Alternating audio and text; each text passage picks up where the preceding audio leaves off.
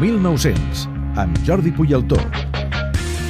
Podríem dir que Veterinaris patrocina avui la prèvia de l'Espanyol Betis al Tot Gira de Catalunya Ràdio. Jordi Puyaltó, bona nit. Bona nit, bona el nit. nostre historiador. Uh, no vols parlar ni de falcons ni de gats, eh? Avui No. no. vols parlar d'un dofí. D'un dofí. De resulta que ens posem, ens col·loquem a la temporada 69-70 i lamentablement els dos equips que juguen avui, l'Espanyol i el Betis, estaven a segona divisió. Eh, va tornar al capdavant de, del club el president Josep Fuster Noguera, que des de llavors li van dir Sant Josep Fuster, i aquella temporada només s'ascendien tres. I van haver-hi quatre equips que van estar lluitant fins al final per pujar, que va ser l'Sporting de Gijón, el Màlaga, l'Espanyol i el Betis.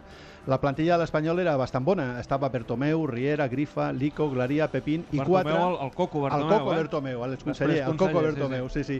I quatre, quatre dels cinc dofins, que van ser Amas, Re, Rodilla i José María, ja que el Marcial va dir que no volia jugar a segona, eh, li va fer una oferta molt bona al Barça i se'n va anar cap allà. Doncs eh, un de la, dels artífres d'aquest ascens va ser Cayetano Rey Rodríguez. Eh, era paraguaià de naixement, va arribar a la temporada 65-66 i va estar fins a la 70-71. I a la 69-70, que l'Espanyol va aconseguir l'ascens, va fer 17 gols. I la seva participació contra els dos partits contra el Betis va ser capdalt. Eh, el partit d'anada a Sarrià, el 26 d'octubre del 69, va guanyar l'Espanyol 2 a 1 amb un gol de Cayetano Re i un gol de Pepín que va ser una jugada de, de Re que li va regalar el gol. I el partit de tornada al Benito Villamarín el 8 de març del 70 va empatar un gol amb un altre gol de Cayetano Re. Eh, això va propiciar que, que s'aconseguissin 3 dels 4 punts, abans eh, valien 2, no 3, Mm -hmm. eh, dels punts en joc entre els dos equips, fet que acabaria sent determinant per aconseguir l'ascens.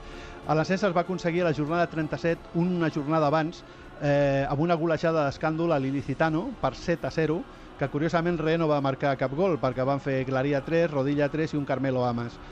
Però a la classificació final, eh, final el tercer classificat va ser l'Espanyol amb 49 punts, deixant el Betis, que després d'una lluita molt aferrissada, amb 47, a dos punts.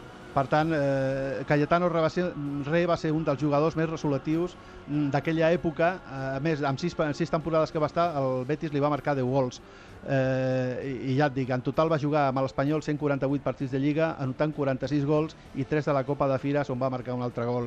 Importantíssim, Cayetano Re, eh, aquella temporada amb què la lluita amb el Betis va fer que ascendís a l'Espanyol i el Betis es quedés a No, segona no et dic gran, però tu els vas veure jugar a, a, als, a aquests cinc grans jugadors. I, I el 7 a 0 estava a Sarrià. Sí, sí, Eh, jo ja tenia 17 anys. I, I el Re, el Cayetano Re, era, era, era, Era- era el més bo dels cinc? Era... No, els cinc eren boníssims. Els cinc eren meravellosos. Eh? Veure'ls jugar, pa- com, com coordinaven, com passaven, era una meravella jugar. Cadascú a la seva posició era del, del milloret que hem tingut. Va ser que aquests cinc jugadors coincideixen una temporada junts, va ser, va ser increïble. Va ser increïble.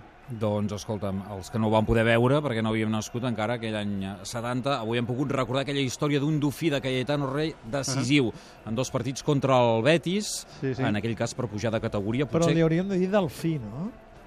Mm, no? no? és que no és l'animal. Van ser los cinco delfines que va treure Josep Maria Ducamp que eren els hereus de los cinco magníficos del Zaragoza. Aquesta és la Ah. veritable història. Val, val, val. De això, Mar- això. Santos, Això- Canario, Santos Canario, Marcelino Villa i la Petra És eren. a dir, que perquè això en català haurien de dir potser els delfins, no? Sí, delfins, exacte, perquè eren els delfins dels Cinco Magníficos del Zaragoza. I Josep Maria Ducan ho va treure, però després va acabar eh, distorsionant-se, inclús tinc un banderín que, amb el club de l'Espanyol, l'escut de l'Espanyol, que hi ha un dofí, un animalet dibuixat, però la veritable història eren el, els delfins dels Cinco Magníficos del Zaragoza. Doncs queda aclarit. Delfins, fora dofins, deixem ja veterinaris i els animals, ens quedarem Sí, amb el però- falcó d'en Salmur Rivera si li Però trobem nom.